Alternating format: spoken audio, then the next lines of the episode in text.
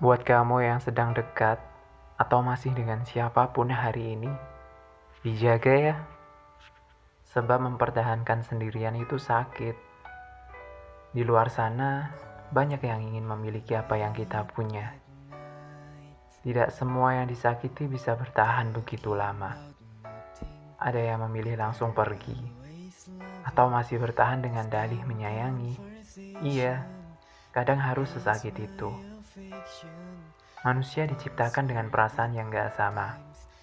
Ada yang mudah terluka, ada yang pandai menutupi, ada juga yang merasa disayangi, jadi bersikap seolah orang itu tidak akan pergi. Tahu kan, bahwa Allah itu maha membolak-balikan hati umatnya. Mungkin saja besok atau lusa dia masih bertahan.